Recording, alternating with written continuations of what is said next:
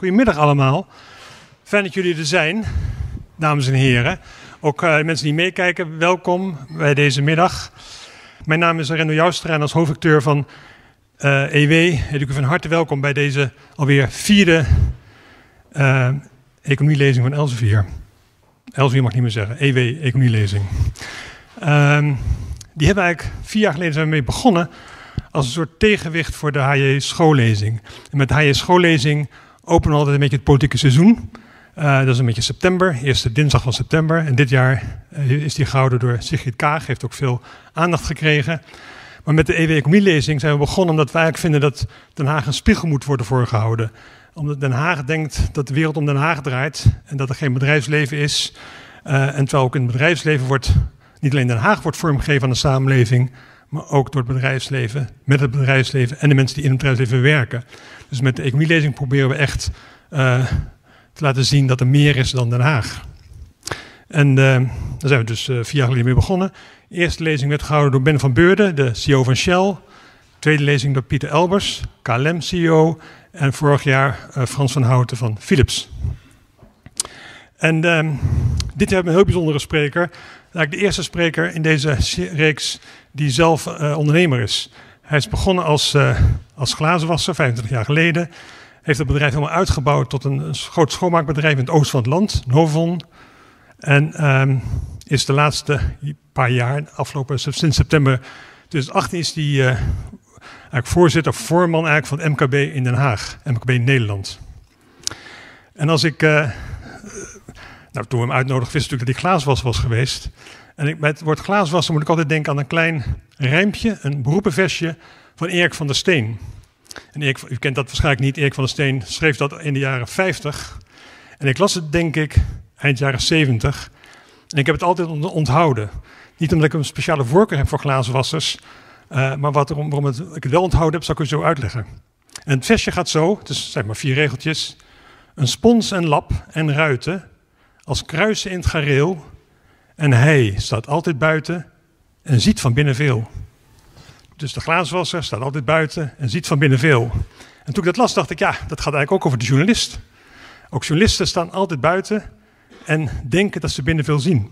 Maar ze horen natuurlijk niks. Wij moeten altijd maar een beetje speculeren wat dan wordt gezegd in die vergaderzalen. Uh, en daarmee ook het onthouden, want het is eigenlijk een beter omschrijving van een journalist dan het beroepenvestje wat Erik van der Steen maakte over de journalist. En dat luidt, hij weet het laatste nieuws het eerst en schreef daar gisteren al over. Maar dat geldt in de tijd van sociale media geldt natuurlijk al lang niet meer. Um, ik hoop ook dat uh, de spreker van vanavond, van vanmiddag, iets gaat zeggen over wat hij allemaal ziet van binnen. Maar ook omdat hij de afgelopen drie jaar binnen is geweest, dat hij ook al gaat vertellen wat hij ervaren heeft in al die ruimtes waar hij dan vroeger van buiten naar binnen keek, maar nu aanwezig was en ook mee mocht praten in Den Haag. En het geldt ook vooral de laatste anderhalf jaar, toen het over corona ging, extra nog een keer. Uh, ik ben zeer benieuwd naar wat hij vertellen heeft. Uh, dames en heren, graag uw aandacht en uw applaus. En we zijn met weinig ons hart klappen. Graag uw aandacht en applaus voor Jacco van Hof.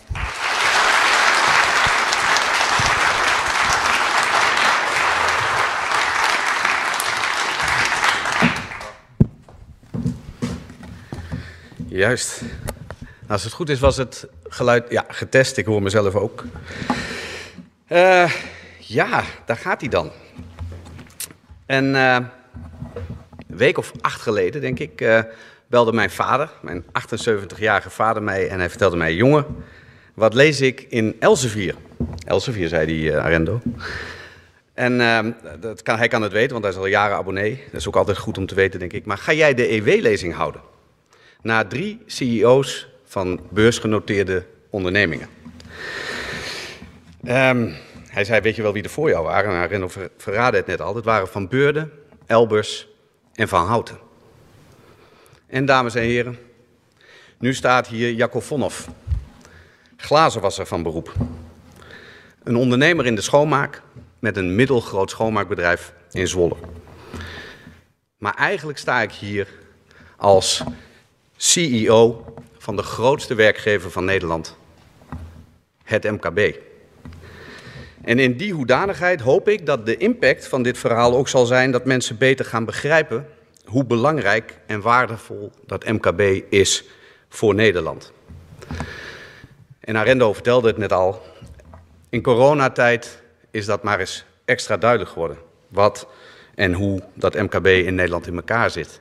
En toen we deze lezing gingen schrijven, moesten we ruim op tijd klaar zijn, want aan het einde krijgt u een boekje en ja, dat moet gedrukt. Dus zo'n lezing vergt dat voorbereidingstijd. Van heel veel collega's van mij trouwens, die ook allemaal een flink aantal daarvan in de zaal zitten. En als voorman van zo'n mooie club als MKB Nederland is het ongelooflijk geruststellend dat je zoveel goede collega's hebt die echt verstand hebben van zaken. De directeur, Leonard Jan Visser, zit voor in de zaal en in hem dank ik al diegenen die geholpen hebben. Maar in het bijzonder, moet ik even eerlijk zeggen, waar ben je Mieke? Mieke Ripken. Ah, sorry Mieke, jij hebt nog een rode broek aan ook. Mijn collega uh, Mieke, mijn, mijn ghostwriter met wie we nou ja, oeverloze uurtjes hebben zitten veilen aan zo'n verhaal. Um, maar toen we dat samen deden, um, bedachten we ons van ja, hoe zit dat nou eigenlijk met corona? Het was nog voor 12 november. En op dat moment hadden we eigenlijk allemaal wel het gevoel dat het een beetje achter de rug was. En we hadden ook het idee dat corona, hoewel het een ongelooflijke impactvolle gebeurtenis is, eigenlijk niet zo heel veel met de economie te maken heeft. Het is een gezondheidscrisis, zoals u weet. Dus we hebben besloten om het niet een coronalezing te maken. Op dat moment konden wij natuurlijk niet weten dat we zijn waar we nu zijn. En dat corona wel degelijk enorme impact heeft en nog steeds op heel veel MKB-ondernemers. De punten die ik zometeen in dit verhaal aan de orde stel, zijn door corona eigenlijk uitvergroot. Dus het is een verhaal over de toekomst van Nederland vanuit het perspectief van MKB'ers. En u moet maar bedenken dat alles wat ik zeg door corona ongelooflijk is uitvergroot en voor heel veel MKB-ondernemers daardoor ook extra relevant. Goed, voor wie mij niet kent, Vonhof dus. Ik ben 52 jaar, ondernemer en vader van een mooie tweeling. Gelukkig ook in de zaal. Een jongen en een meisje die hopelijk op een dag besluiten mijn bedrijf over te nemen. Als ze dat aandurven tenminste, in dit huidige ondernemersklimaat. Ik ben 28 jaar geleden in mijn eentje begonnen als glazenwasser. Met een tweedehands busje en een ladder. 28 jaar geleden, het was 1993. Ik was gestopt met mijn studie. En wat was het ondernemersklimaat toen anders dan nu? Nederland bruiste van de ondernemersenergie. Er was namelijk een nieuw fenomeen. Echt waar, het internet. Ondernemers en bedrijven kregen alle waardering van de maatschappij. Het optimisme in Nederland en in de wereld was onbegrensd. Natuurlijk, ik zal nog even klikken, want dat moest ik ook nog doen, hè, Kijk. Um, natuurlijk, dat leidde tot een hoop gekkigheid waar ik als glazenwasser niet heel erg veel mee had. Wat mij betreft moesten de ramen gewoon schoon en streeploos. Er kwamen opeens bedrijven die als doel leken te hebben om zoveel mogelijk verlies te leiden. En ik begreep daar helemaal niks van. Maar ik genoot wel van de energie. Dat eenmansbedrijfje is door de jaren uitgegroeid tot een bedrijf met 2300 werknemers. En goed om te weten dat de meeste van die 2300 werken aan de basis van de arbeidsmarkt. Op de onderste sport van de ladder. 80 verschillende nationaliteiten. Veel mensen met sociaal-maatschappelijke problemen die zij ook meenemen naar hun werk. En veel van de problemen zijn ook zichtbaar in de samenleving, zoals schulden, laaggeletterdheid. Maar ze zijn voor mij dagelijkse ondernemerspraktijk. En dat verklaart misschien wel mijn bovengemiddelde interesse voor de arbeidsmarkt en de sociale agenda. Maar daarover later meer. Ik merk dat er wel eens romantisch wordt gesproken over die ondernemerscarrière. Alleen begonnen, 2300 mensen in dienst. Een beetje de Amerikaanse krantenbezorger die miljonair wordt. Laat ik u uit de droom helpen. Er was weinig romantisch aan. Ik ben gaan schoonmaken omdat ik geld nodig had. Ik heb een poging gewaagd, ik zie mijn vader ernstig kijken, om eerst Nederlands en vervolgens rechten te studeren in Groningen. Maar dat ging mij niet goed af en mijn vader draaide de geldkraan dicht. Ik moest dus wat. Hij zal wel in Elsevier gelezen hebben dat je je kinderen niet onbeperkt moet pamperen. En daar kan ik zelf ook nog wel wat van leren. Ik had voor die tijd nooit bedacht om ondernemer te worden. Het is zo gelopen. En gaandeweg kwam ik erachter dat ik zeker over bepaalde ondernemersvaardigheden beschik. Maar dat ik ben gekomen waar ik nu ben, dank ik vooral aan het feit dat ik op tijd ontdekte waar mijn zwaktes liggen. Dat ik mensen ben gaan aantrekken die op specifieke punten beter waren dan ik. Die beter kunnen schoonmaken en beter kunnen managen dan ik. En geloof mij, mensen die dingen beter konden dan ik, waren gemakkelijk te vinden. Toen wel. Alles wat een ondernemer in zijn werkbare leven kan tegenkomen, ben ik in de afgelopen kleine 30 jaar ook tegengekomen. Meer dan eens scheerde ik met mijn bedrijf langs de afgrond. Ik weet nog dat ik bij mijn stad, heel goed bedoeld, allemaal van die boekjes kreeg. Misschien heeft u ze ook al gekregen met Sinterklaas. Ondernemer voor dummies was er één. De tien grootste valkuilen voor de ondernemer. En ik heb ze allemaal gelezen. En toch ben ik in al die valkuilen getrapt. In sommige zelfs vaker dan eens. Zo maakte ik toen mijn bedrijf ging groeien de fout iedereen die het schoonmaken een beetje zat was of geblesseerd was geraakt, een baan op kantoor te geven. Want dat snapte ik. Ik gun al mijn medewerkers dat ze niet hun hele leven lang hoeven schoon te maken. Het kostte me bijna de kop, maar dat hoort erbij. Ondernemerschap draait namelijk niet om het voorkomen van fouten. Dan ben je een ambtenaar of een bankier. Het gaat er juist om dat je leert van je fouten en na elke val weer opstaat en doorgaat. Dat is ondernemen. En ik geloof juist dat in al die valpartijen een ondernemer wordt gemaakt. Dus, ondanks mijn fouten sta ik hier. Waarschijnlijk juist daarom. Het was een pre, drie jaar geleden, toen MKB Nederland een nieuwe voorzitter zocht. Ze zochten iemand met de spreekwoordelijke poten nog in de klei. Ik weet wat ondernemen is. Ik weet voor welke moeilijke dilemma's je als ondernemer komt te staan. Hoe het is om s'nachts wakker te liggen van de zorgen of het allemaal wel goed komt. Ik voel me nog steeds glazenwasser. Zoals Arendo net al zei. Zoals ik vroeger op mijn ladder stond en naar binnen keek bij de kantoren waarvan ik de ramen waste, zo kijk ik eigenlijk nu naar Den Haag. Tot drie jaar geleden was dat voor mij een redelijk onbekende wereld. Ik sta voor mijn gevoel, even in de metafoor, hoog op de ladder. Ik kijk naar het comfort van de mensen die binnen zitten. En ik ben op dat moment de enige die het risico voelt. De enige die voelt wat er gebeurt als ik van die ladder afdonder. De mensen daarbinnen hebben geen idee. Ondernemen in deze tijd is niet makkelijk. Het wordt ons ook niet makkelijk gemaakt. Met mij is het uiteindelijk goed gekomen, maar ik zeg u eerlijk, als ik in deze tijd een bedrijf had moeten starten, dan had het ook echt heel anders kunnen gaan. Ik vraag me regelmatig af of er tussen al dat Haags beleid nog wel oog is voor de mens achter de cijfers. Maar misschien is dat ook als omhooggevallen glazenwasser wel juist mijn taak. De beleidsmakers weer zicht op de wereld geven en het glas helder maken. Wat ik vanaf die ladder ook zie, is dat het bedrijfsleven er op dit moment niet goed op staat. Zowel in de samenleving als in de politiek heerst er een negatief sentiment. En dat baart mij grote zorgen. Ik snap het tot op zekere hoogte. Er is onvrede in de samenleving over zaken als kansenongelijkheid, inkomensverschillen, de aanpak van de klimaatcrisis. Er zijn vaak discussies over grotere bedrijven, over bonussen, belastingen die het beeld een beetje kleuren. En in het spoor daarvan worden ook de kleinere bedrijven nog wel eens meegetrokken. Bij het woord bedrijfsleven denkt vrijwel iedereen aan de eerder genoemde Philips of Shell. Of in elk geval aan grote multinationals.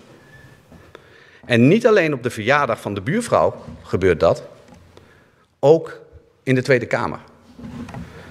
Let wel, ook die grote bedrijven heeft Nederland keihard nodig. Heel veel kleine bedrijven doen werk voor grote bedrijven. Mijn eigen schoonmaakbedrijf heeft kunnen groeien door grote klanten als Siemens en Abbott. ASML zou niet zijn waar het nu was zonder de innovaties van kleine toeleveranciers. Want het zijn vaak juist de wat kleinere bedrijven die met nieuwe ideeën komen. en de economie opschudden. Tegenwoordig heet dat met een hip woord start-up of scale-up. Maar het zijn natuurlijk ook gewoon MKB-bedrijven. Over het bedrijfsleven is dus een vertekend beeld ontstaan. Ook en juist in Den Haag. Ze begrijpen daar onvoldoende wat een ondernemer is en drijft. Dat ondernemers moeten kunnen investeren in de toekomst van hun bedrijf. In bijvoorbeeld verduurzaming, digitalisering en innovatie. En dat daar winst voor nodig is. En dat het in bedrijven, en zeker in het MKB, niet alleen maar draait om geld. Ja, natuurlijk wil je tot grote hoogte op de ladder komen. Maar daar kom je nooit alleen. En daar kom je ook niet als geld je enige drijfveer is. Daarbij zijn ondernemers niet alleen van belang voor economie en banen, ze voegen juist maatschappelijk veel waarde toe. Ze sponsoren de lokale sportvereniging, de fanfare of de kerk. En helpen de buurjongen met een lastig lichaam. Of het nichtje met een verstandelijke beperking. Nee, in mijn achterban zitten geen bedrijven die naar Ierland vertrekken als de belastingen daar lager zijn. Die zitten hier en hebben het te doen met het Nederlandse ondernemersklimaat. En dat is, net als vandaag, best kil. We lijken te zijn vergeten dat als we brede welvaart nastreven, en dat doen we allemaal, we dat niet bereiken zonder ondernemers, zonder glazenwassers. Maar, dames en heren, dit is mijn grote waarschuwing. En dit is voor mij ook een. Kijk. Het begint steeds meer op de jaren 70 te lijken. De energieprijzen stijgen, de inflatie stijgt en de overheid geeft ongebreideld geld uit. Ondernemersbesje is weer in de mode. Zelfs ABBA is weer terug. Als dat geen teken aan de wand is. Het enige verschil met de jaren 70 is dat wetenschappers toen bang waren voor global cooling. Dat is echt waar. En ik heb dit beeld gevraagd, of hier op de achtergrond geprojecteerd, omdat dat het beeld is wat ik altijd op mijn ogen heb als het over de jaren 70 gaat. U kent hem wel, is ook wel mooi qua timing. Wiegel en Den Uil, een dag na Sinterklaas, eigenlijk de verjaardag van Sinterklaas. Sinterklaas bestaat, daar zit hij. Ik denk dat de meeste van ons, in ieder geval iedereen die niet jonger is als 50, dat nog wel weet. En het was ook heel mooi actueel geweest, want toen wij met deze lezing bezig waren, hadden we ook nog zicht op een Sinterklaasakkoord. En ik dacht, daar kan ik dan een mooi grapje over maken, over uh, uh, cadeautjes kopen en de rekening aan het bedrijfsleven sturen of zo. Maar dat ging niet door. En inmiddels heb ik bedacht dat het dan misschien maar een kerstballenakkoord moet worden. En als dat niet doorgaat, wordt het straks een oliebollenakkoord. Maar punt is wel dat wij in de gaten moeten houden dat we niet teruggaan naar die tijd. Want willen we daar werkelijk naartoe? Naar de massawerkeloosheid die volgde in de jaren 80. Kijk, ik vind die ABBA-revival best aantrekkelijk. Maar de rest niet. En ik hoor dit geluid nog te weinig in Nederland. Opiniemakers, politici, columnisten. Laten we niet de fout herhalen van de jaren 70. Het is aan u om een tegengeluid te laten horen. En u snapt, dit podium leek mij de ideale plaats om deze boodschap te brengen. Of, om met ABBA te spreken, laat Nederland niet zijn waterloo vinden in dit ondernemersvriendelijke onvriendelijke klimaat. Laten we, voordat ik verder ga, eens naar de feiten kijken van het bedrijfsleven in Nederland. 99% van alle bedrijven in Nederland is MKB. Van 1 tot 250 medewerkers. Ruim 70% van alle werkgelegenheid in de private sector zit bij datzelfde MKB. En het MKB draagt voor 65% bij aan de toegevoegde waarde in de markt. Een factor van betekenis dus. Wij zijn als bedrijfsleven goed voor bijna 80% van de totale investeringen in dit land. Het is dus niet de overheid die investeringen aanjaagt. Het is het bredere bedrijfsleven dat voorop gaat. Gewoon een paar dingen om je te realiseren. En als je naar het bedrijfsleven in Nederland kijkt en je vindt er wat van, bedenk dan vooral dat als je alles bij elkaar optelt en door elkaar deelt, het gemiddelde bedrijf in Nederland negen mensen is. Dat is de omvang van het bedrijf waar je alle regels over afroept. Of dat je aanspreekt op de manier waarop het zou moeten acteren. Die ondernemer met die acht collega's is meewerkend voorman. PNO-functionaris en doet de administratie. En hij moet in de tussentijd in de gaten houden hoe het in de buitenwereld gaat. Waar het om gaat, de grote transities, bijvoorbeeld het klimaat, daar worden ondernemers vaak uitgedaagd te kijken naar de agenda 2030. Ik zeg dan altijd, voor veel van mijn ondernemers is 2030 half negen vanavond. Dan zijn ze net thuis. Hebben ze waarschijnlijk net het journaal gemist. Maar ze moeten zich wel bezighouden met al die grote en belangrijke uitdagingen voor de toekomst. En ik vraag daar in ieder geval begrip voor. Van de politiek, maar ook van de samenleving. Als je tegen ondernemers zegt waar ze in 2030 moeten staan, voelt dat voor velen als een enorme berg waar ze tegenaan kijken. Veel beter werkt het om ze in kleine stappen omhoog te laten klimmen. Met een duidelijke routekaart op zak. Ik wil daar ook bij kwijt dat ondernemers gewoon mensen zijn en niet een aparte soort. Ze hebben ook een ouder in een verzorgingshuis, kinderen op school, problemen om een huis te vinden. Ook ondernemers willen een betere en duurzamere wereld. Dat hun kinderen het beter krijgen dan zij. Sterker nog, het zijn optimisten die de handen uit de mouwen steken om dat ook praktisch voor elkaar te krijgen. Het MKB is de motor van Nederland en dat zijn we ook altijd geweest. Ondernemerschap en handelsgeest, het zit in ons DNA. Ik ben met mijn bedrijf ooit begonnen in de mooie stad Zwolle, een van de Hansesteden. Al in de late middeleeuwen, het officieuze handelsverbond dateert van 1356, kwam Zwolle tot bloei. De stad waar we nu zijn en waar mijn zusje woont, Amsterdam, stelde nog nauwelijks iets voor.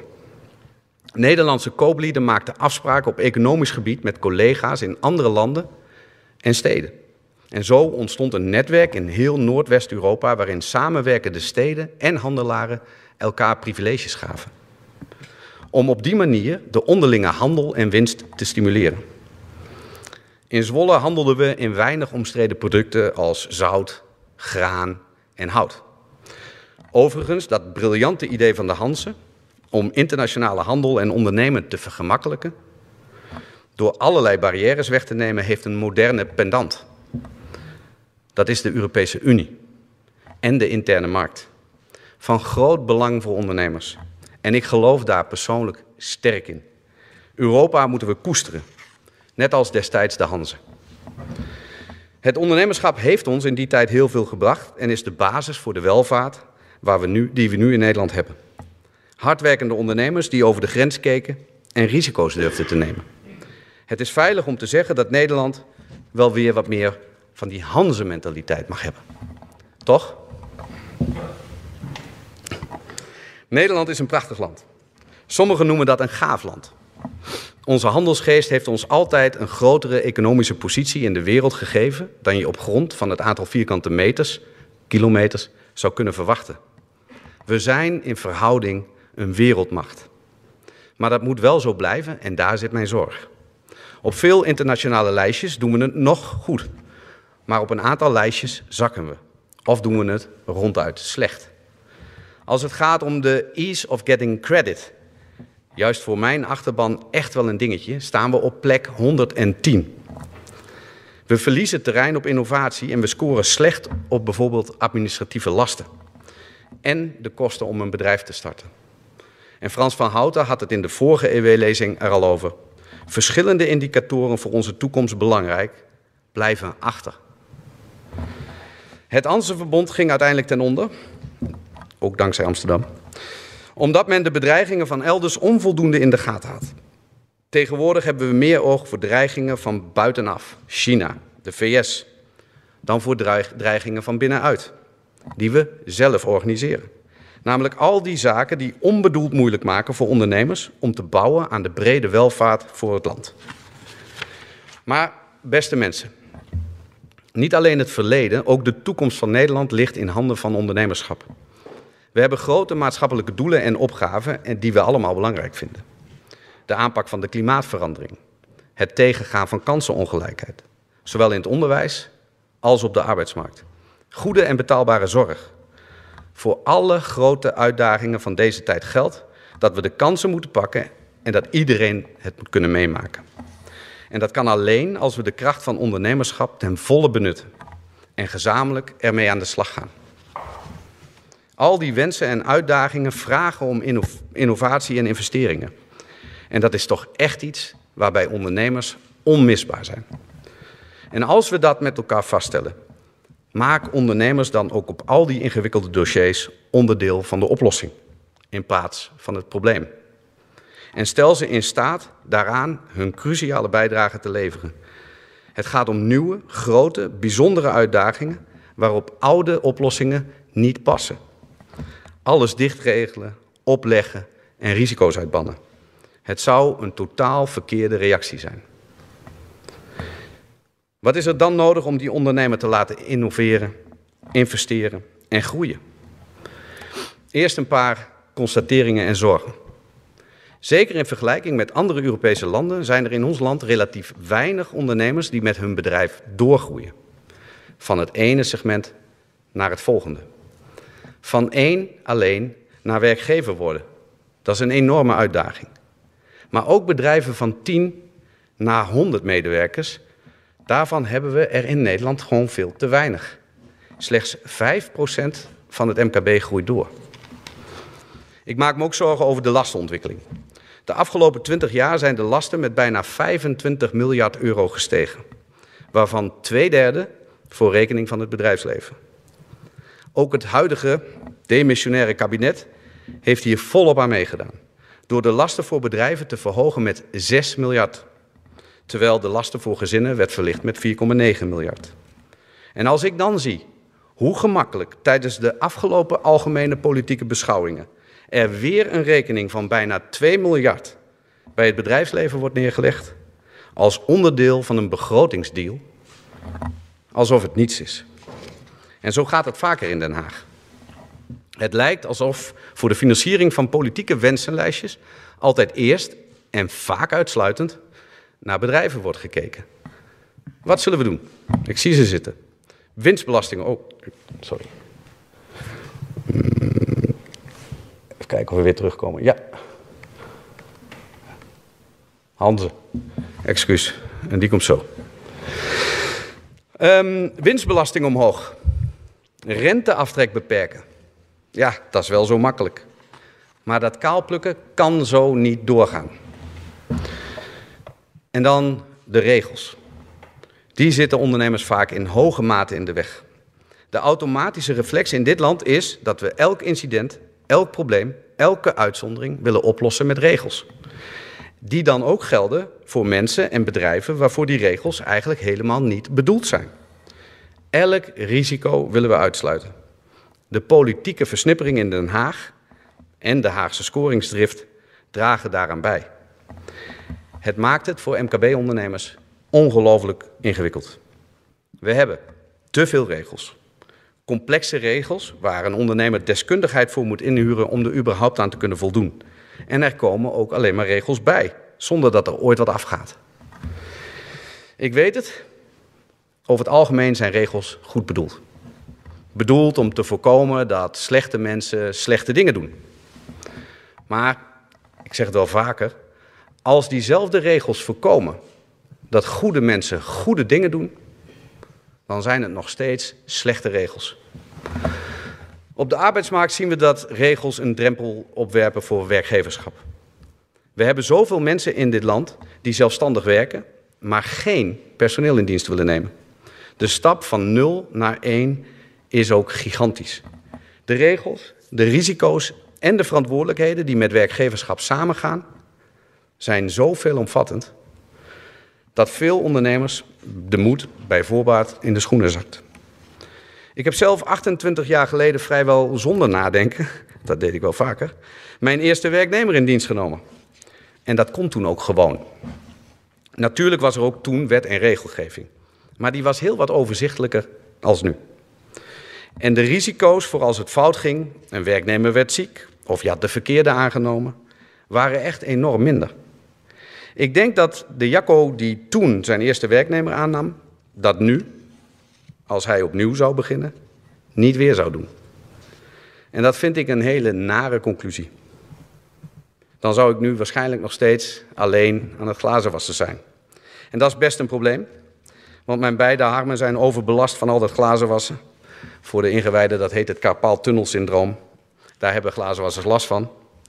En in mijn geval zou dat waarschijnlijk hebben betekend dat omdat er geen verzekering is voor zelfstandigen, ik uh, in de lappenmand zou zijn beland. Waar zit hem dat dan in dat het zo aantrekkelijk is geworden, of zo onaantrekkelijk, ja, zo onaantrekkelijk is geworden om werkgever te worden en om die eerste werknemer in dienst te nemen? De loondoorbetaling bij ziekte met alle risico's en verantwoordelijkheden die daarbij horen, maken ondernemers kopschuw. Maar ook alles wat we vragen rondom compliance. Je moet tegenwoordig douanier zijn voor je werknemers. Je moet werkelijk alles vastleggen. Of het nu de arbo-wetgeving is of de privacy. En als je medewerker financiële problemen heeft, moet jij het loonbeslag uitvoeren. En dat is zeker goed voor de onderlinge verhouding. Je bent als ondernemer gewoon de sjaak. En natuurlijk, hè, met een bedrijf met 2300 werknemers kun je aandacht schenken aan je werknemers en kun je in dialoog over schulden of laaggeletterdheid. Ik heb twee fulltime mensen aan het werk om alleen de schuldenproblematiek het hoofd te bieden. Maar gaat u even terug in uw hoofd naar dat gemiddelde bedrijf met negen mensen. Dat kan die ondernemer er echt allemaal niet bij hebben. Dan kom ik bij financiering. Een groot probleem voor ondernemers uit het segment dat ik net beschreef. Het is bijna onmogelijk om nog een fatsoenlijke traditionele bankfinanciering te krijgen.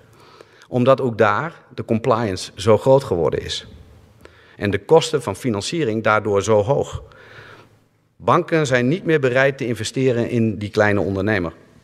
Ook daar is het allemaal zo ingewikkeld geworden. Vroeger, vroeger ging je op de koffie bij je lokale bankdirecteur en die durfde nogal eens te vertrouwen op je ondernemerschap. Tegenwoordig gaat steeds meer digitaal en draait alles om cijfers en ratio's. En heel veel ondernemers komen niet eens meer tegenover een accountmanager te zitten. Die worden afgewezen door het systeem. Ik heb dat zelf echt heel anders meegemaakt. Ik kan me goed herinneren dat ik werd gebeld door de directeur van mijn bank. En die zei, meneer Vonhoff, we hebben een probleem. U kunt de salarissen van deze maand niet meer betalen. En ik schrok me kapot. Maar de man heeft mij gered. Hij ging letterlijk naast me zitten en samen hebben we het opgelost. En ik gun eigenlijk elke ondernemer nu zo'n bankdirecteur. Er zijn zelfs ondernemers die niet eens meer een rekening bij een bank kunnen openen omdat ze in de verkeerde branche zitten. Omdat de kans op witwassen groot zou zijn. Een autodealer met een omzet van minder dan 50 miljoen, 50 miljoen, kan bij een van de grootbanken om die reden al helemaal niet meer terecht. En ik snap heus dat banken alles moeten doen om het risico op witwassen uit te bannen. Maar ondernemers bij voorbaat uitsluiten, dat gaat er bij mij niet in. Ik hoorde zelfs onlangs het verhaal van een oud Kamerlid die geen zakelijke rekening mocht openen omdat hij een PEP was. Een politically exposed person. Dat is toch waanzin? Ook op het onderwerp financiering zie ik dus grote hobbels als het gaat om groei en doorgroei. Klimaat, verduurzaming. Daar hebben we als ondernemers natuurlijk een opgave. En veel MKB-ondernemers zijn daar ook al mee bezig. We hebben koplopers, maar daarachter zit een groot peloton dat niet goed weet wat het moet doen. En wanneer en hoe ze die investeringen, vaak met een onrendabele top, in hemelsnaam moeten financieren. En Arendo refereerde er al aan. Ik hoorde Sigrid Kaag in haar HJ schoollezing zeggen dat termen als haalbaar en betaalbaar in het kader van klimaat het nieuwe argument zijn om niets te doen. En ik snap waar ze vandaan komt. Maar ik ben het sterk met haar oneens. Het gaat hier om realiteitszin. Verduurzaming, klimaatmaatregelen, het speelt breed in het MKB. Natuurlijk willen ondernemers daar de goede stappen zetten. Maar als je gemiddelde MKB-bedrijf met negen mensen wederom op het netvlies neemt, dan is het niet zo raar om het over haalbaar en betaalbaar te hebben. Voormalig minister Wiebes van Economische Zaken en Klimaat heeft vorig jaar na het klimaatakkoord, wat wij als MKB niet hebben ondertekend, een MKB-impacttoets laten uitvoeren op ons verzoek. Daaruit bleek dat de klimaatmaatregelen het MKB de komende jaren tot 2030 24 miljard, 24 miljard euro gaan kosten. En dat is twee keer de defensiebegroting van ons land. Is het dan raar dat ondernemers zich afvragen: wat moet ik doen? Wat gaat me dat kosten? En hoe kan ik dat betalen? Wat ze nodig hebben is in elk geval een betrouwbare overheid. Een overheid die zegt waar het op staat, maar dat ook een tijdje volhoudt. En laat het daar nou net de afgelopen tijd ongelooflijk aan ontbreken. Ondernemers hebben geen idee waar het heen gaat. Maar hier kunnen we ons echt geen zigzagbeleid veroorloven. Het beleid moet glashelder zijn en reëel. Met maatregelen die stimuleren in plaats van afdwingen. Onlangs nog geïnterviewd door een uh, televisieprogramma over het plan van de gemeente om ondernemers straks vanaf zomer 2022 te verplichten om zonnepanelen op het dak van hun bedrijfsplan te plaatsen. Verplichten. Alsof het kleine nutsbedrijfjes zijn. Maar wat nog niet is geregeld, is de garantie dat de verzekeraar de polis niet intrekt. Of dat het teveel aan opgewekte stroom, vaak ook belangrijk om zo'n uh, investering rendabel te krijgen, uh, om die stroom uh, terug te kunnen leveren. De netcapaciteit kan dat op de meeste plaatsen helemaal niet aan. Dus alsjeblieft, formerende partijen, nieuw kabinet, maak hier werk van. Uitvoering. En houd daarbij rekening met de mogelijkheden, maar vooral ook de onmogelijkheden van het MKB. En wees niet alleen die betrouwbare overheid, maar schenk ook het vertrouwen aan ondernemers. De overgrote meerderheid wil van nature gewoon het goede doen. Maar op dit moment ademt alles wat er uit Den Haag komt wantrouwen. En daar, kan ik u beloven, gaan ondernemers niet zo goed op. Net zo'n groot vraagstuk en een onderwerp, zoals ik al zei, dat mij persoonlijk aan het hart ligt, is de arbeidsmarkt. Daarvan weten we met elkaar al jaren dat we in demografisch opzicht een uitdaging hebben. En dat voelen mijn leden. In vrijwel alle branches in mijn achterban hebben ondernemers moeite om mensen te vinden. Maar ook waar is dat er nog steeds 1 miljoen mensen aan de kant van die arbeidsmarkt staan. We hebben nog steeds veel mensen die graag zouden willen gaan werken. En we hebben ook veel mensen in deeltijdbanen die best meer zouden willen werken. Maar alle prikkels in het systeem staan de verkeerde kant op.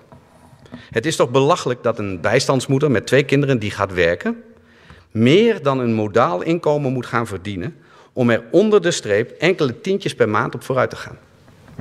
Dat is lang niet voor iedereen een reëel perspectief. En ik vind dat asociaal.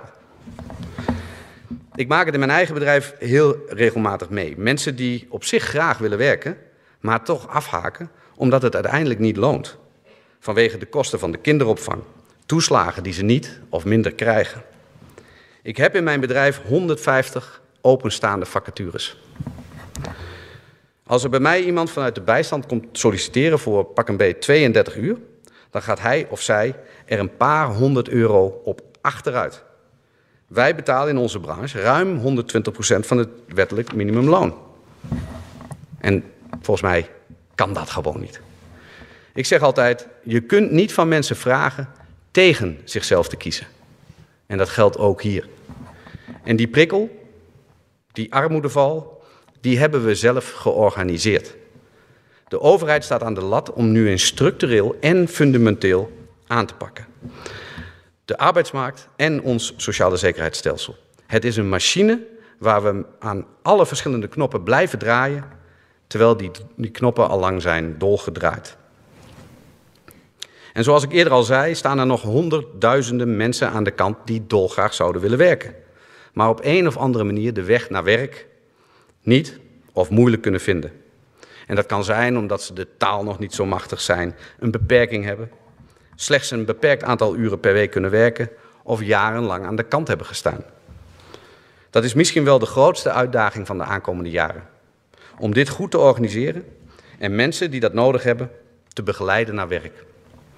Maar het kan, daar ben ik van overtuigd, als we het slimmer en aantrekkelijker en minder ingewikkeld maken.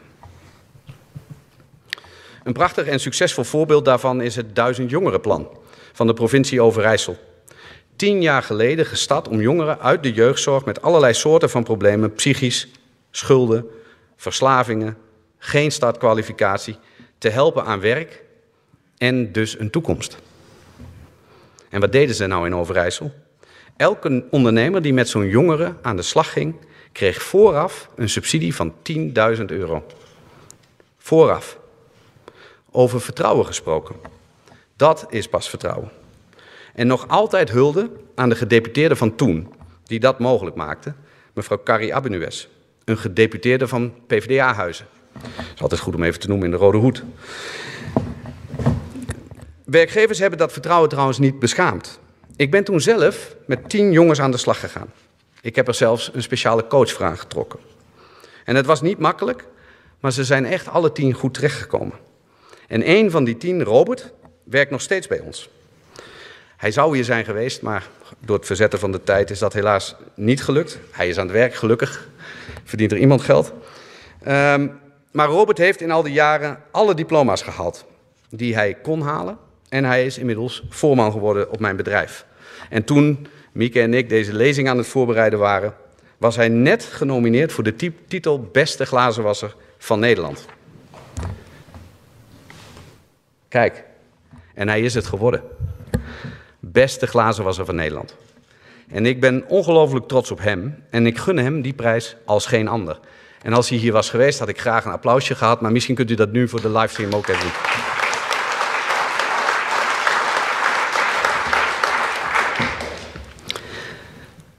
Nu ik het toch over bemiddeling van mensen met een afstand tot de arbeidsmarkt heb. Wat me daarbij opvalt is dat er vaak wordt gefocust op wat mensen niet kunnen. Terwijl wij als ondernemers juist geïnteresseerd zijn in wat mensen wel kunnen. En een korte anekdote nog, een wagenbut verhaal. Bij mij op het bedrijf was een keer een meisje van 18 jaar... wat met haar begeleider voor een kennismakings- en sollicitatiegesprek kwam. Ik zat in de kamer ernaast. Het was, ons, het was mijn voormalige bedrijfspand met hele dunne wandjes. En, nou ja, ik kon de stem van de begeleider in ieder geval goed horen. Het meisje had duidelijk in haar leven heel veel meegemaakt. En ik overdrijf niet, maar haar begeleider heeft werkelijk een uur lang alleen maar zitten praten over haar problemen en beperkingen. Ze kwam zelf niet eens aan het woord. En na een uur was ik het zo zat dat ik naar binnen ben gegaan en die man vriendelijk, maar dwingend, heb verzocht even koffie met mij te komen drinken. En mijn collega en dat meisje waren er daarna snel uit. Ze heeft uiteindelijk jaren en naar volle tevredenheid bij ons gewerkt. En zo'n meneer zit daar natuurlijk ook met de beste bedoelingen. Maar echt, wat geef je een werkgever nou mee in zo'n gesprek? Vind je het gek dat een werkgever dan gaat twijfelen? En hoe moet zo'n meisje zich wel niet voelen? Doe dat nou niet. Breng voor werkgevers in kaart wat iemand kan, wat iemand wil, waar zijn of haar ambities liggen. Daar kunnen wij wat mee. Ondernemers denken in kansen. We kunnen iemand bij of omscholen, een aangepaste werkplek bieden, wat ook maar nodig is. En geef ons dan daarvoor de middelen. En laten we ook ophouden mensen in hokjes te plaatsen en labels op te plakken. Daar zijn we in Nederland heel goed in. De uitvoeringsinstanties voorop. Ik weet niet hoeveel doelgroepen wij op de arbeidsmarkt hebben, met hun eigen faciliteiten, aanpak, ondersteuning. Maar het zijn er in ieder geval te veel. Beste mensen, er is maar één arbeidsmarkt. Met slechts twee doelgroepen. Werkgevers met vacatures en mensen die werk zoeken. Zo eenvoudig is het. Kies dus voor een integrale aanpak, want uiteindelijk hebben al die doelgroepen hetzelfde nodig. Hulp en ondersteuning bij het vinden van werk. Of klaargestoomd en opgeleid worden voor werk. Dit alles gezegd hebbende. Ik heb een aantal zorgen met u gedeeld en een aantal problemen benoemd. En dat is voor mij heel tegennatuurlijk. Ik ben een ondernemer, een glazenwasser. En mijn motto is niet lullen, maar poetsen. Ik en veel van mijn MKB-ondernemers denken in kansen, in oplossingen. En die krijgt u dus nu. Niet volledig. Ik ga hier niet een hele beleidsagenda en al onze wensen oplepelen. Maar wel een paar belangrijke zaken waar een nieuw kabinet meteen mee aan de slag kan. mee aan de slag moet, zou ik zeggen. Zoals ik al zei in het begin, 99% van alle bedrijven in Nederland is MKB. Neem dat MKB als uitgangspunt voor beleid. Als het voor 99% van de bedrijven uitvoerbaar is, dan regelen we het ook nog wel voor die laatste procent. Investeer in een toekomstbestendig MKB. Daar moet een vernieuwende groeisprong van Nederland vandaan komen, zeg maar een Hanze 2.0. We moeten samen investeren in een duurzaam Nederland. En zonder MKB gaan we die klimaatdoelstellingen nooit halen. Zo simpel is het. Maak het dan ook mogelijk dat ondernemers die klimaatinvesteringen van 24 miljard euro kunnen doen en dragen. Zorg voor voldoende en eenvoudige subsidieregelingen die ook bereikbaar zijn voor het MKB. Vaak is dat nu niet het geval. Veel van de investeringen die ondernemers moeten doen zijn bedrijfseconomisch niet rendabel. Of het nu gaat om een elektrische bakkersoven of een elektrische bestelbus om straks nog de stad mee in te mogen. Betaal al die belangrijke klimaatinvesteringen uit de algemene middelen. Stop met die rare opslag op energieverbruik. Voor de kennis onder u, de ODE, die juist een rem zet op elektrificatie. En waar het MKB zich vervolgens ook nog eens een keer scheel aan betaalt. Het kan niet zo zijn dat je hebt geïnvesteerd in groene stroom, maar via de ODE alsnog een enorme rekening voor verbruik krijgt gepresenteerd. Weg met die perverse prikkel. En overheid brengt de randvoorwaarden op orde. Het elektriciteitsnet, het aantal laadpalen, de hele infrastructuur. En laat een ondernemer die wil investeren in een waterstofinstallatie niet zeven jaar, zeven jaar wachten op een vergunning. Wij hebben hier een taak, maar u zeker ook. Schaf overbodige en kostenverhogende regels af.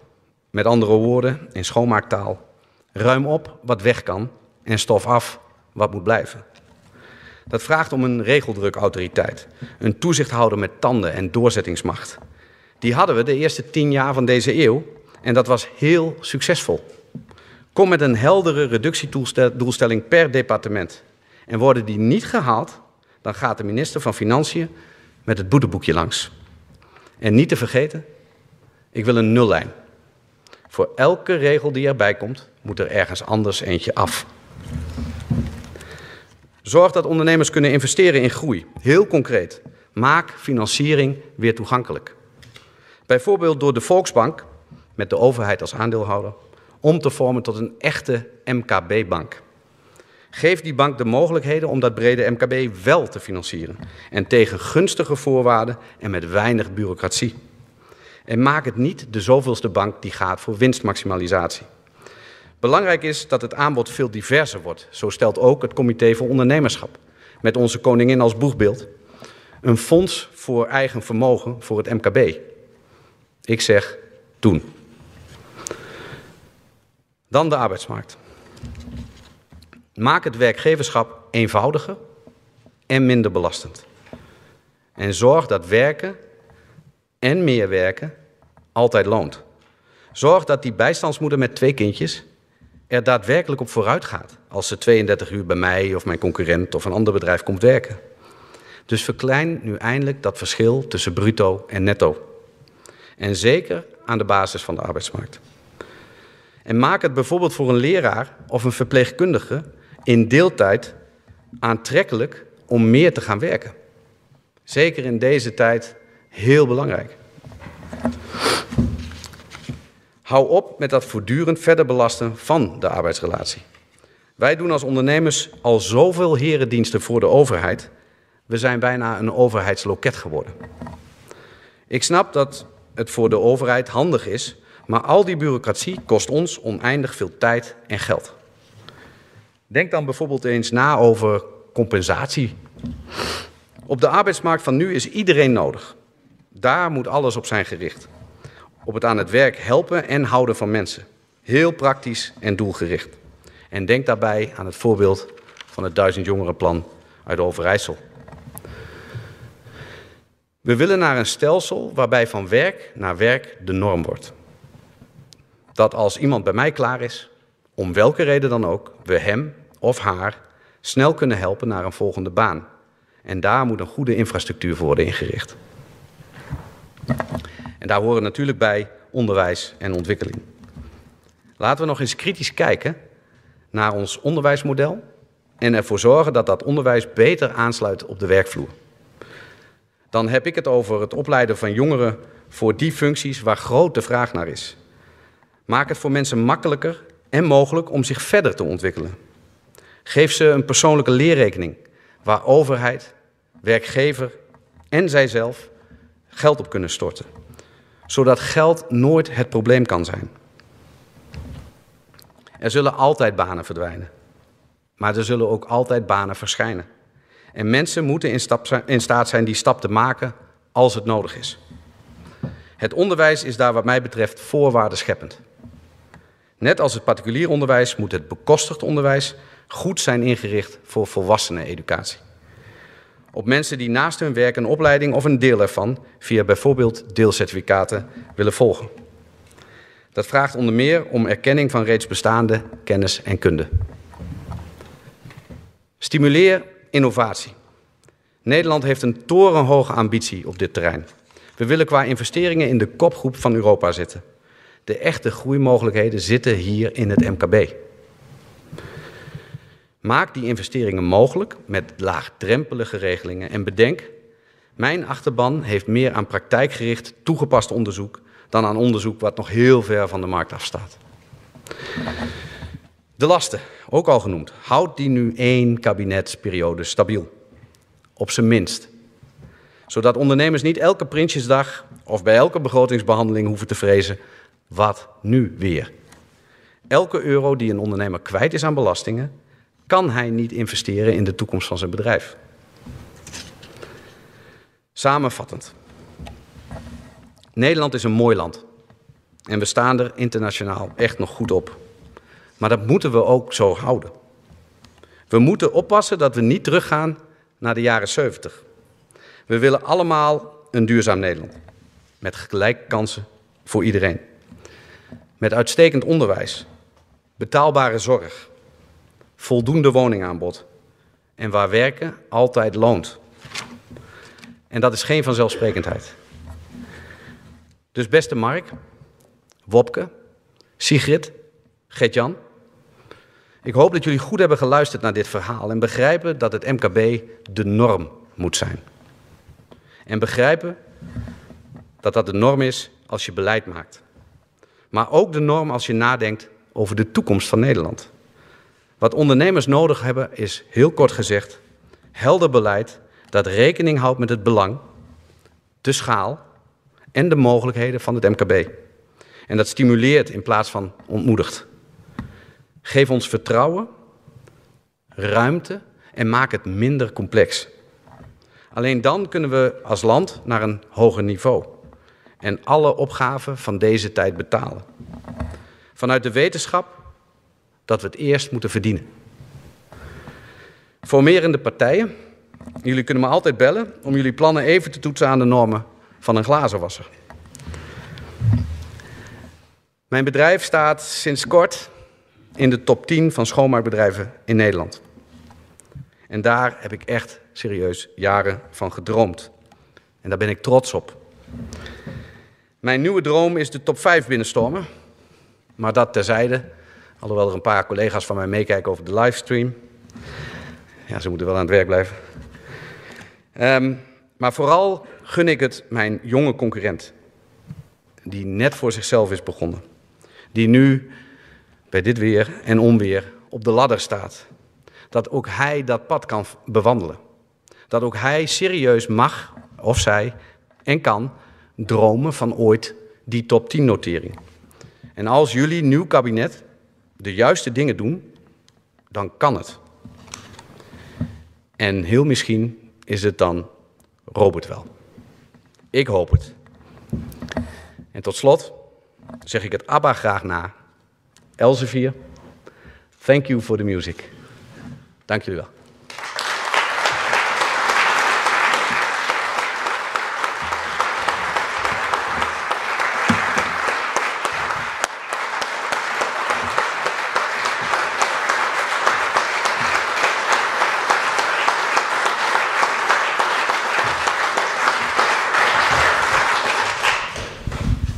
Dacht dat het allemaal zou klinken. Ja, dat, ik was ook al in afwachting. Ik denk, we gaan dansen het podium af. Blijf er even staan. Ah. Het was ook maar een gimmick, hè. Van man tot man, Dankjewel. alsjeblieft. dankjewel, dankjewel, dankjewel. Is de muziek er nog of is die... eh, dan gaan we nog even dansen. Ehm, meneer Vonhoff, een, een krachtig, inhoudelijk, persoonlijk eh, een verhaal. Veel dank daarvoor. Neem een glaasje water inderdaad. En eh, wil je alsjeblieft even terugklikken naar de slide met de vragen. Want er zijn nog tijd voor vragen vanuit de zaal. Maar ook als we hier naartoe gaan, kunt u het, als u meekijkt, kunt u de vraag op deze manier stellen. Ehm, een, een lang verhaal met je had veel te vertellen. En het was ook eh, persoonlijk, wat ik zeer waardeer. Dat toch een vraag voor mij om te beginnen, maar dat negatieve sentiment in Den Haag. Eh, dan heb je zo'n hele lijst van dingen die moeten gebeuren. Heb je er ook vertrouwen in dat dat dan opgepakt wordt? En, en de vraag die erbij hoort, wil je nou eigenlijk niet zelf aan de slag daar? de, de meest gehoorde vraag van de afgelopen tijd. Ehm, nee, eh, heb ik er vertrouwen in? Ja, want anders moet je niet doen wat ik doe. En eh, gaan we niet elke dag vol goede moed aan de slag. Ehm, wat ik wel denk is dat het belangrijk is dat steeds meer mensen dit geluid eh, gaan brengen. Dat het niet langer zo kan zijn dat je ja, dat, die prachtige infrastructuur eh, aan ondernemerschap die wij in Nederland hebben, dat je dat ja, voor lief neemt. En dat zeg ik, het begint misschien nu met grote bedrijven als Shell, die hun stutten trekken. En dan hoor ik hier nog wel eens wat mensen juichen. Hè, zo van, nou ja, weet je, wat maakt het uit? Maar men heeft geen idee dat een bedrijf als Shell eigenlijk in Nederland niet bestaat. Shell in Nederland is 2500 MKB-bedrijven die daar dagelijks de show runnen. En in dat opzicht, denk ik, zou het in Den Haag goed zijn dat ze iets beter begrijpen hoe onze economie in elkaar zit. En nou ja, dat probeer ik ze te vertellen. Ja, nee, ik maak het toch even concreet om dat ook uit de weg te helpen. Eh, want er stond in een van de kranten ook dat je genoemd bent als, als minister. Ja. En dat kan je nu eh, Ontkrachten. ontkrachten. Ja. En, en ontkracht je dat dan? Is het een ontkrachting? Ja, dit is een volledige Ja. ontkrachting. Nee, ik heb, eh, ik heb het ook gehoord. en ehm, ja, weet je, ehm, ik, ik zou natuurlijk iedereen in de maling nemen als ik niet zei dat er zo hier en daar ook wel eens is gepolst. Maar ik heb besloten het niet te doen. Nee, dat begrijp ik als je zegt nu niet. Want misschien eh, is het nieuwe kabinet zit het misschien wel korter dan de hele formatie heeft geduurd. Eh, eh, de voortekenen zijn nou ook niet zo goed. Dus ik kan begrijpen dat je zegt nu nee. Maar ik, ik ga niet door, want misschien is het veel te. Nee, nee, nee, maar dat zou, nee, maar dat zou ook een hele opportunistische reden zijn om het niet te doen. Dat was niet mijn afweging. Mijn afweging is breed, heeft te maken met je persoonlijke situatie, mijn bedrijven. Maar veel meer nog dat ik echt vind dat ik bij MKB Nederland gewoon niet klaar ben. Ik heb daar nu drie jaar op zitten, waarvan ruim anderhalf jaar gewoon volledig corona. En dat was een hele louterende tijd, veel geleerd, ook veel impact kunnen hebben. Maar het is allemaal korte termijn. En we hebben een lange termijn agenda. Ehm, en ik denk dat ik in mijn rol bij MKB Nederland gewoon meer voor elkaar kan krijgen nu dan, ik het, dan als ik in een kabinet zou stappen. Dus eh, het, het was me, ook al zou dit kabinet er zeker vier jaar hebben gezeten, had ik het ook niet gedaan. Oké, dan, dan toch even daarop door, op een andere manier dan, omdat natuurlijk het negatieve sentiment, vind je dan dat er te weinig mensen uit die uit ondernemingen voortkomen eh, in, Den, in Den Haag zitten? Want dat is wel, Ja. en, dat, dat, en is dat op te lossen? Ja dat, is, ja, dat is op te lossen, maar daar moeten we niet voor naar Den Haag kijken. Eh, Dus daar zullen wij als samenleving met elkaar gewoon. ehm, ja, daar, daar moeten we echt uit een ander vaatje gaan tappen. hè. De manier waarop wij op dit moment omgaan met onze volksvertegenwoordigers, onze, ehm, de mensen die het beleid maken, onze ministers die het land aansturen, ja, vind ik schandalig. Het is, zou voor mij niet een overweging zijn het niet te doen. Maar ik kan me heel goed voorstellen dat er veel mensen zijn die zeggen: joh, daar ga ik mij op dit moment niet aan branden. Want je bent vanaf dag één kop van jut. Ehm, je mag in dit land geen fouten meer maken. Ik hoop ook dat dat een beetje, het stond er een beetje tussenin, dat porté van mijn verhaal is. Ehm, als je vooruit wil, ook als ondernemer, dan realiseer je dat je altijd fouten gaat maken.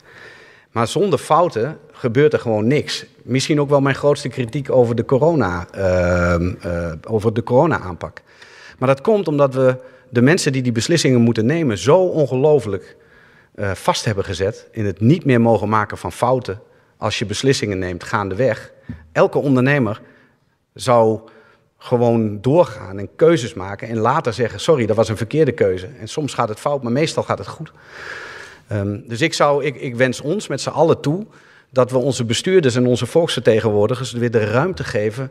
Niet alleen om die fouten te maken en vervolgens uh, ze ook weer op te lossen, maar ook weer gewoon op het schild te hijsen. Want we hebben er, ik vind in ieder geval een baan.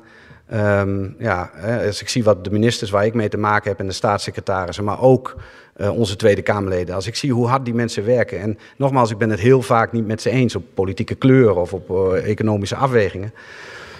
Maar ik, uh, ik, ik zou ons toewensen dat we deze mensen gewoon weer serieus nemen. En dan gaan er ook weer meer ondernemers die Kamer in, ben ik van overtuigd. Ja, het is grappig dat je het zegt. Dat de samenleving moet ook de bestuurders eigenlijk een beetje in bescherming nemen. Wat nu niet gebeurt. Er is niemand die opstaat voor, voor die bestuurders die het allemaal doen nu.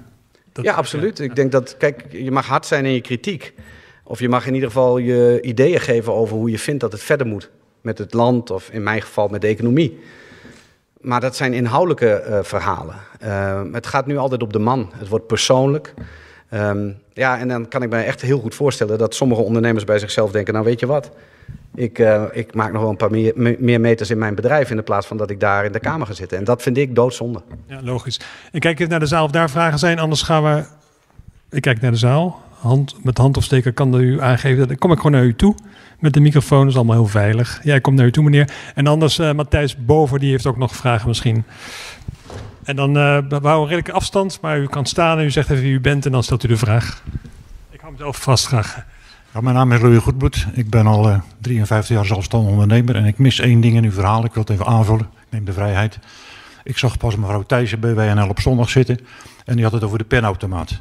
En ik denk de aanvulling die u net gaf over die 4 miljard en die 2 miljard. Wij zijn als midden, midden- en kleinbedrijf pinautomaten voor de overheid. Dat wil ik alleen even aangeven. Nou, heel goed. Ja, ik, weet je, soms uh, moet je de fantastische uh, woordkeuze van je collega niet, niet, niet afpikken. Dus dat, zou, dat heb ik nu ook niet gedaan. Maar ik hoop wel dat dat, uh, dat duidelijk was dat dat ook is waar wij bang voor zijn. Hè? Ook nu, nu er geformeerd wordt. Um, en daar refereerde ik even aan met die Sinterklaas-metafoor. Uh, ja, dat straks niet er een kabinet zit en iedereen roept: we, uh, het is gelukt, we gaan samen verder en de rekening sturen ze aan u. Dat kan niet de bedoeling zijn. Nog één ding over die regelautoriteit die je weer terug wil halen. hoe, werkte die? Want wat, wat, wat, wat deed die regelautoriteit? Is het een soort. Ja, ja, wij hadden uh, uh, in het begin van deze eeuw, ik geloof ze onder, onder aanvoering van, uh, van Gerrit Salm destijds, um, hadden we een, een, een, regelautoriteit die ook daadwerkelijk gewoon taakstellend was. Hè? Dus daar werd, daar werd echt gemeten. En daar zaten ook, zeg maar, per ministerie zaten daar, ook, zaten daar ook repercussies aan. Als jij als ministerie veel te veel regels maakte en je schafte niks af, ja, dan kreeg je gewoon als het ware een financiële penalty. Uh, daar zijn we langzamerhand mee gestopt. Uiteindelijk is het ergens, het begon ooit op financiën. Dat, nou ja, dan, als je bij financiën zeg maar, de autoriteit neerlegt, uh, dan weet je ook meteen dat je een boete direct kunt uh, effectueren. Op een gegeven moment zat het bij EZK, we hebben het losgelaten en het is afgezwakt. We hebben nu nog wel een regelautoriteit, maar die heeft niet heel veel tanden meer. Um, en je zag ook dat in de eerste jaren van, de, van deze eeuw waren wij koploper in Nederland als het ging om regeldrukvermindering. We stonden echt bovenaan de lijstjes. En inmiddels, en dat is echt waar, staan we helemaal onderaan in Europa. Ja. Het lijkt wel, zeg maar, uh, onze vaccinatie. Uh, hè, dus we staan helemaal onderaan, maar we kunnen weer naar boven. Ja. Matthijs, heb jij vragen boven? Ja. Mooi. Ik heb een uh, vrij directe vraag die uh, meneer Vonhoff wellicht iets voor het blok zet, maar ik ga hem toch stellen. Is de vraag van uh, Derek Groot. Hij werkt voor Dutch Carbon Consultants BV. En hij schrijft: uh, Dit jaar ben ik mijn eigen adviesbureau begonnen om ondernemers te helpen hun CO2-uitstoot te verminderen. Hiervoor heb ik mijn vaste contract als consultant opgezegd bij Ernst Young. Zou ik samen met MKB Nederland de ondernemer kunnen helpen met een ondernemersloket voor duurzaamheid? Hoor het graag. Je zet me niet voor het blok. Je confronteert me met een ondernemer en die begint meteen te acquireren. En dat vind ik nog goed ook, dus dat snap ik. Nou ja, um, ik heb een heel simpel e-mailadres. En dat is voorzitterapenstaatje mkb.nl. Dat hebben ze gedaan omdat mijn twee voorgangers wat sneller weg waren... en ze waren bang dat iedere keer die e-mailbox moest worden veranderd. Dus ik ben nu voorzitter.mkb.nl, zodat mijn opvolger hem ook gewoon uh, kan houden. Ehm, eh, stuur een mailtje. Ik heb hier een paar collega's in de zaal zitten die, eh, die, die er echt inhoudelijk ook verstand van hebben, die, die vast graag een keer het gesprek aan willen. Nu, zelf over je opvolging begint, hoe heb je, werk je in, in termijnen? Want je zei, heb ik nog veel te doen als, als MKB-voorzitter. Is het, is het, zit je aan de termijn vast en, en stemmen de leden dan? Of hoe lang blijf je? Ja, ik weet niet. eh, onze verenigingsdemocratie is best eh, bijzonder. Maar het is inderdaad wel zo dat mijn algemene ledenvergadering natuurlijk gewoon de baas is, zoals dat ook hoort. Eh, ik ben nu benoemd voor vier jaar. Ik, ik ben nu bezig met mijn vierde jaar. Ehm, ja, en ik denk dat er over mijn opvolging wordt gesproken in het eh, dagelijks bestuur. Of, en, en als ze het me vragen, dan zal ik eh, me erop beraden. En maar, maar, maar mijn vraag is, wil je voor een nieuw termijn? Ja, ja, precies. Oké, oké, dat, is, dat is helder. Maar, dat, eh, maar dat horen we wel. Graag nog een vraag in de zaal. Anders gaan we. Wees niet bang, ik kom gewoon naar u toe. Anders gaan we naar Matthijs. Kijk even mee. Geen vraag uit de zaal? Nee? Dan eh, stel ik nog een eh, vraag van een digitale kijker. Eh, het is een vraag van Hein Joris uit Amersfoort. Eh, hij stelt ook een praktische vraag. Wat doe je met de glazenwasser van 40 jaar, van wie je weet dat hij de 68 niet gaat halen als glazenwasser?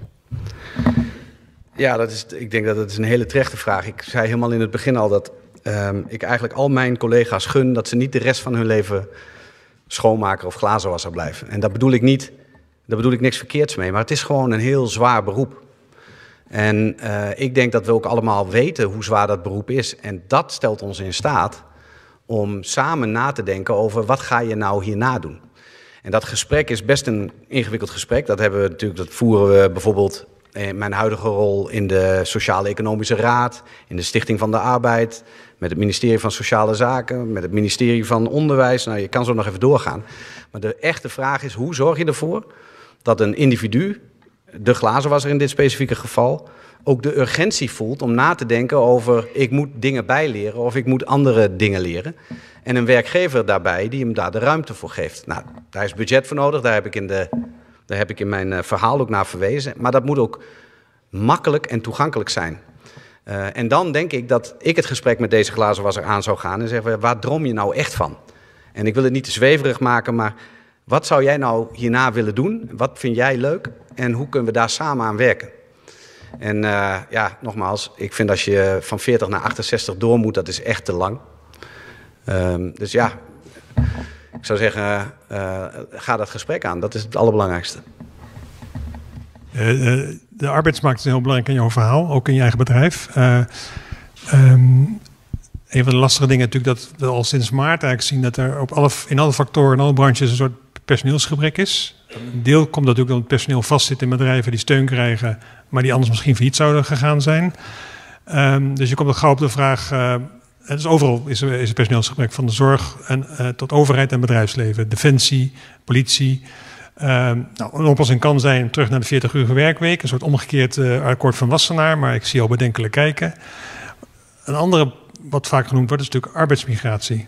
Wat ook voor het bedrijfsleven altijd een ideale manier is om, om snel uh, en goedkoop arbeid te, te krijgen. Hoe, hoe, kijk je daar tegenaan? Ja, nou precies zo. Kijk, um, uh, ja, ik denk dat de, de, de, de, grootste winst die we kunnen boeken is meer mensen die dat eigenlijk wel willen, maar niet kunnen, uh, meer te laten werken. En dan behoud ik me alle, alles voor of dat twee, verdien, twee verdieners zijn, anderhalf verdieners, mensen die in de zorg werken en eigenlijk in drie dagen meer geld overhouden dan als ze er een vierde dag bij zouden gaan werken. Dat, dat is de eerste grote klap. Nou, ik heb al genoemd alle mensen die nu uh, misschien wel willen werken, maar nog uh, wat hulp nodig hebben. Dan zijn we ook al heel end. Maar dan nog, als je dan demografisch door Nederland heen kijkt naar de ontwikkelingen de aankomende 10, 15 jaar, zullen we het niet redden met zelfs al die beschikbare uh, uren. Ja, dan is arbeidsmigratie de enige oplossing. En natuurlijk moet je dat goed doen. En daar heb je regelingen voor nodig. En op dit moment zijn al die regelingen ingestoken op toptalent. Hè? Dus je hebt in Nederland best mogelijkheden om hele slimme mensen uit India naar ASML of naar Philips of naar een mooi MKB-bedrijf te krijgen. Maar we zullen zo'n regeling ook moeten maken voor vakkrachten. En daar hoort dan vervolgens nog bij dat je dan zorgt dat je ze ook op een goede manier kan huisvesten. Ja, en daar komen bijvoorbeeld de vraagstukken op de woningmarkt en de vraagstukken op, op arbeidsmigratie bij elkaar. In Nederland weten we allemaal dat we geen komkommer meer uh, in de winkel krijgen als er geen mensen uit het buitenland die komkommers komen plukken. Iedereen beseft dat, maar op het moment dat je ze ergens fatsoenlijk op een goede manier wil huisvesten, is er bijna geen gemeente waar geen revolutie uitbreekt. Als iemand zegt van zullen we hier dan een goede faciliteit neerzetten, tijdelijk of semi-permanent. Ja, ook daar zullen we als samenleving wel het gesprek over moeten hebben. Want je kunt ze niet, zoals we nu vaak doen, ergens achteraf uh, in hokken stoppen of in uh, vakantieparken. Dat gaat hartstikke mis. Dus dat hoort wel bij elkaar. Nee, dat zag natuurlijk in het begin van de coronatijd in de vleesverwerkende industrie. Dan zag je op een gegeven moment die arbeidsomstandigheden. En dat is ook vaak de kritiek op het bedrijfsleven van, ook al natuurlijk in de jaren 60, van ja, jullie halen dus aanstekens mensen uit het buitenland, maar volgens blijft de maatschappij zitten met, met, met de zorg erover. Hè? Ook arbeidsongeschiktheidsregelingen en zo. Ik weet niet hoe je daar tegenaan kijkt, maar een andere mogelijkheid is natuurlijk om die die arbeid, of die, die bedrijven die heel veel arbeid kosten, ook naar het buitenland te verhuizen. Dat is ook nog een mogelijkheid. Dat je, brengt de arbeid, je brengt de bedrijven naar de arbeid toe. Uh, innovatie is wel gezegd door jou in het gesprek. Ik zeg steeds jij, maar dat komt... mag wel, ga vooral hier. Uh, maar uh, het is wel gezegd, en, en dat is natuurlijk ook een andere manier om... om die komkommers kunnen misschien ook al in de toekomst geplukt worden door een, door een door machine. Hè? Dus dat, Absoluut waar. Zit daar genoeg de kracht achter? Want als je goedkope arbeid hier naartoe haalt... dan is, mist de ondernemer natuurlijk de incentive om, om te investeren in de machine. Ja, ja, dat gaat wel heel erg uit van een soort van maakbare wereld. Hè? Maar zolang die oplossingen er nog niet zijn, zitten we eh, waar we nu zitten. Daar geldt, uh, zorg dan dat je die mensen fatsoenlijk huisvest. En, maar ook uh, maak goede wetgeving die maakt dat als mensen uh, niet meer werken, ook op een goede manier terug kunnen. En dus terugkeerregelingen die gewoon kloppen. Um, ja, als het gaat om verslimmen van Nederland, ja, daar hebben we natuurlijk een stevige agenda. Als het gaat om digitalisering in het MKB, hebben we flink wat te doen. Uh, automatisering, robotisering. Ja, um, uh, hoe heet het? Uh, artificial intelligence, dat zijn wel de onderwerpen van de aankomende tijd. En dat zal in de zorg en dat zal ook inderdaad in de productie zijn. Maar ja, dat kost tijd. We hebben denk ik, we hebben een heel slim land. Heel veel oplossingen komen er ook nog wel aan. Ik, ik weet dat ik toen ik een aantal jaar geleden een, een, een, zaal ongeveer van deze omvang van leidinggevenden uit mijn bedrijf uh, toe moest spreken. En ik ze vertelde hoe ik naar de toekomst van schoonmaken keek. Uh, dat ze me allemaal een beetje glazig aankeken, omdat ik ze vertelde dat misschien over vijf jaar de helft van de zaal niet meer bij mij zou werken. Omdat heel veel taken en verantwoordelijkheden geautomatiseerd en gerobotiseerd konden worden. Ik heb toen een robotje gekocht in de vorm van Darth Vader van, van Star Wars. En die heb ik door mijn kantoor laten rijden. Dat ding maakte dan dat lawaai. En begon niet te hijgen. Dus het was ook echt wel afschrikwekkend. Maar niemand deed er wat op uit. want mensen dachten allemaal van, nou ja, ik, ik hoef niet weg. Mijn collega moet weg. Nou, uiteindelijk heb ik gelijk gehad. Heel veel van de functies die toen nog bestonden, die bestaan nu niet meer. Maar tegenwoordig is het andersom. Tegenwoordig kan ik geen mensen meer vinden en ben ik alle gebouwen die wij hebben aan het inventariseren. Op welk gebouw kan ik een schoonmaakrobot neerzetten? Waar ik misschien drie jaar geleden nog niet aan wou en ook niet aan kon rekenen, is nu gewoon een hele gezonde business case. Dus sommige dingen gaan vanzelf, andere dingen heb je, heb, moet je mensen bij helpen. Kunnen de ramen gelapt worden door een automaat? Of, uh... Nee, nou ja, er zijn al jarenlang uh, mensen die beweren dat er uh, glas is ontwikkeld wat je niet hoeft te wassen. Nou, gelukkig hebben die het allemaal fout. Ehm, we wassen tegenwoordig al wel wat, wat minder op hoogte. En, hè, dus ik stond nog op een, op een ladder, zeg maar op 13, 14 meter hoogte. Tegenwoordig doen ze dat met een hele lange stok. Mijn zoon, uh, hè, die uh, hopelijk de opvolger wordt als glazenwasser, maar die staat gewoon met zo'n hele lange stok. En over een tijdje zal er heus een, eh, een, een robot zijn die het ook kan. Daar ben ik okay. van overtuigd. Mooi. Vragen dan gaan we nog één keer naar boven toe. Ja, ja heel goed. Mijn naam is uh, Rob Scheurman. Uh, we kennen elkaar. Ja. Uh, maar ik heb wel een hele belangrijke vraag. Je zegt Um, er zitten geen ondernemers in Den Haag. Maar Jacco, als er geen ondernemers in, uh, in Den Haag zitten, wie moet dan het ondernemerschap vertegenwoordigen? Het MKB of een minister vanuit het MKB? Ja, kijk, um, ja, je kan niet allebei de dingen tegelijk doen. Dus ik blijf eerst maar gewoon zeg maar, in dat MKB, uh, die MKB vertegenwoordigen. Ik moet trouwens zeggen, want je moet in zo'n, in zo'n lezing natuurlijk de boel wel scherp neerzetten. Um, het is niet zo dat wij in Den Haag niet gehoord worden. Dus de deuren staan echt open. En we kunnen gelukkig ook dat gesprek iedere keer aan. Um, maar die ondernemer die zeg maar ehm, naar Den Haag zou willen, ja, die moeten we enthousiasmeren. En dat zeg ik, dat doen we alleen als we die, als we die mensen ook weer de, de credits geven. En, en hè, de afgelopen tijd is dat gewoon niet aan de hand. En ik weet niet hoe het jullie vergaat, maar als ik dan hoor hoeveel, hoeveel uren, hoeveel tijd mensen erin stoppen. eh, hoe ze vervolgens nu worden, hè, je mag als je een tijdje lang be- bewindspersoon bent geweest, mag je eigenlijk nergens meer werken. Ik bedoel, ja, Kijk, dat het in Amerika gebeurt, dat snap ik. Want dan krijg je de rest van je leven een salaris en een, eh, en een, en een iemand om je te assisteren. Maar in Nederland moet je gewoon, nadat je een baan eh, hebt gehad waarmee je het land hebt gediend, moet je ook weer aan de slag. Ja, ik vind dat gewoon te zot voor woorden. Maar het maakt denk ik voor heel veel ondernemers de keuze niet heel moeilijk om het niet te doen. Dus laten we daar maar eens beginnen. En dan komen die ondernemers hopelijk eh, eerst via de Kamer en uiteindelijk ook wel weer op belangrijke posten terecht, denk ik. Ja, zo ben ik wel geschokt. Want toen ik 40 jaar geleden in de, journalistiek eh, kwam, dat was bij de Volkskrant, sociaal-economisch redacteur, toen ging het al over de armoedeval. Dus in 40 jaar, als ik je naar verhaal luister, is er eigenlijk niet zoveel. Nou, dat is toch angstwekkend. En Nou, het is as- asociaal ook. ja, Ik vind het oprecht asociaal. Dus ik, ik, ik, ik probeer, en daar, daar ben ik zelf van, om mensen duidelijk te maken wat het verschil is tussen geld krijgen en geld verdienen. Maar als je meer geld krijgt dan je kunt verdienen, ja, wat, wat moet je dan?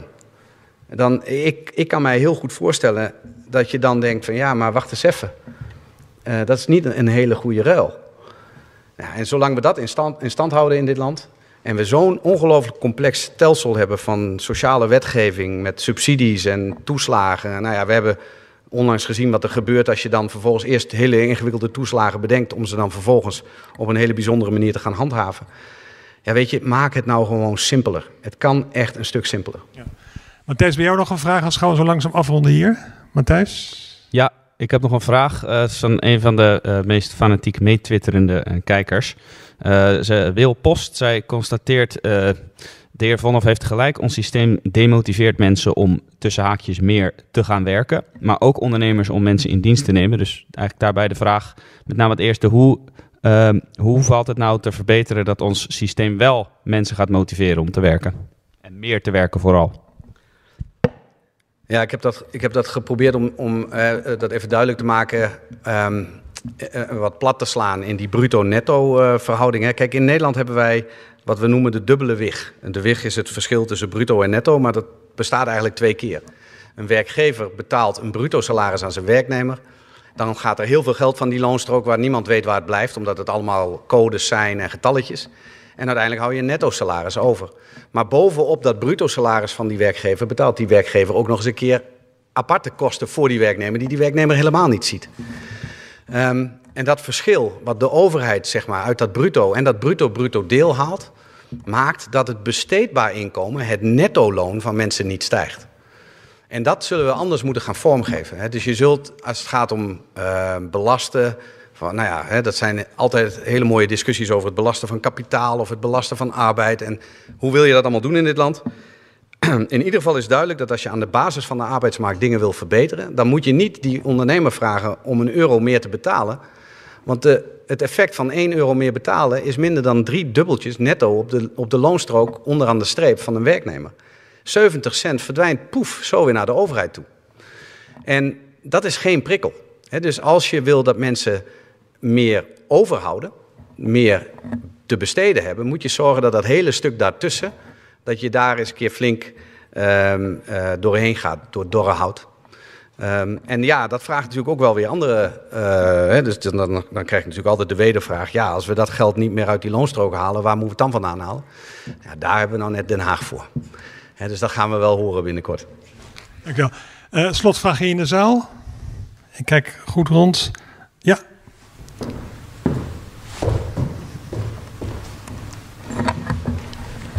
Eh, Frans van Hal, horecaondernemer. Eh nou Jacco, je weet dat ik uh, niet helemaal eens ben met de aanpak nu van de crisis, de coronacrisis. Uh, ik denk dat het kabinet totaal niet kijkt uh, in, in, oplossingen van hoe ga je met een crisis om. Wordt veel te langzaam, we lopen achter de muziek aan. Maar er staan een heleboel crisissen op de agenda. Huizenmarkt, inderdaad, de arbeidsmarkt, klimaat. Ja, is het niet gewoon het failliet van Den Haag, hoe, de zaken bestuurd worden? Er zijn heel veel ja, goede ideeën vanuit MKB Nederland, vanuit heel veel andere partijen. Maar er gebeurt zo weinig. En ja, omzicht begint over andere cultuur. Nou, ik denk dat dat een andere discussie is. Maar ja, hoe gaan we dit voor de toekomst ja, wat sneller en wat fanatieker aanpakken? Ja, dankjewel uh, Frans. Nou, je hebt het geloof ik afgelopen week uh, Stef Blok persoonlijk nog even uitgelegd hè, hoe het zit. Nee, kijk, wat betreft corona, ja, daar hoor je ons natuurlijk regelmatig. Um, het, het, ja, ons, onze, onze primaire reactie is natuurlijk altijd zorgen dat ondernemers zoals jij, die gewoon de facto op slot zijn en gewoon niet kunnen ondernemen, dat die in ieder geval gecompenseerd worden. En ook al is het niet genoeg, hè, want dat blijven we ook benoemen, um, met, met grote gevolgen. Nou, daar weet jij alles van. Um, maar ja, de, de, ik weet niet of corona uh, exemplarisch is voor de manier waarop we in Nederland met crisis omgaan. Ik vind ook wel trouwens dat we in Nederland tegenwoordig alles een crisis noemen. Daar wordt het ook wel. En het wordt ook een crisis, juist omdat we het niet aanpakken. Kijk, als je naar bijvoorbeeld zo'n ding als de woningmarkt kijkt en je ziet, en, en daar zet ik dan stikstof even bij.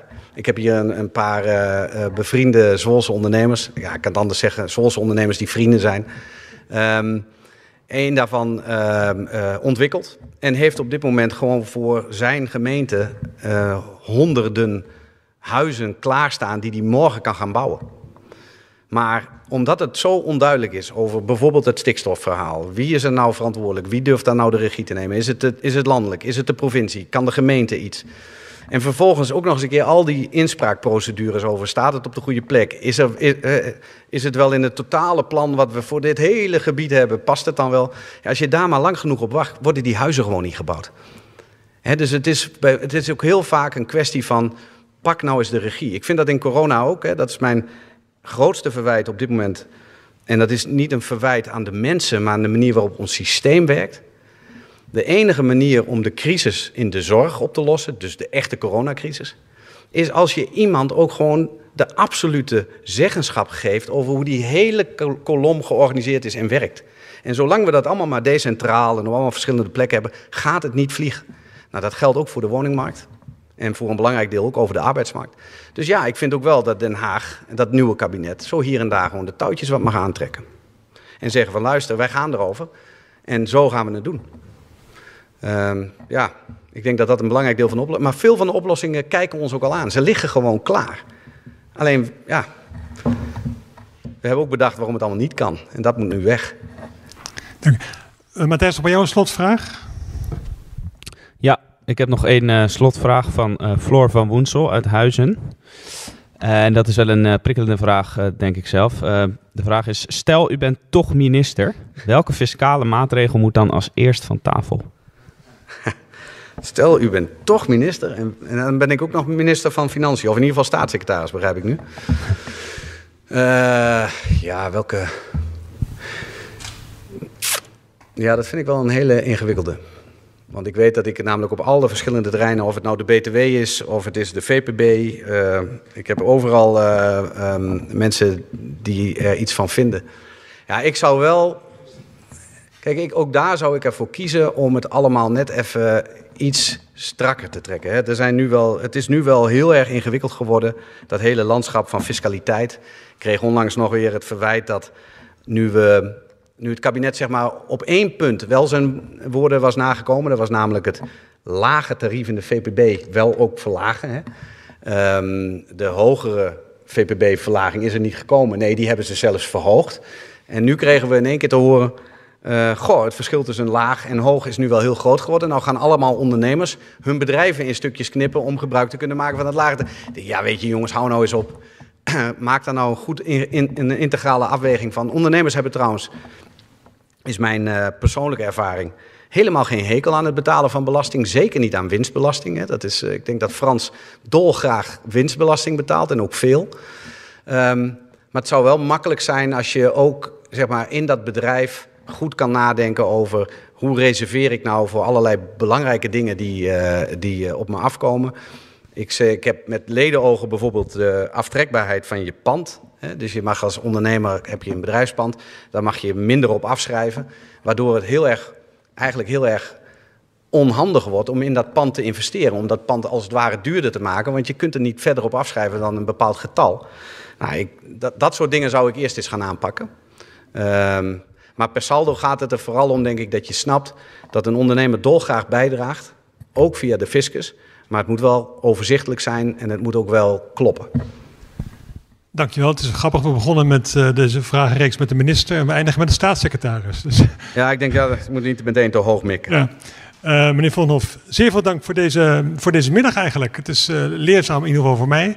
dames en heren, graag een applaus.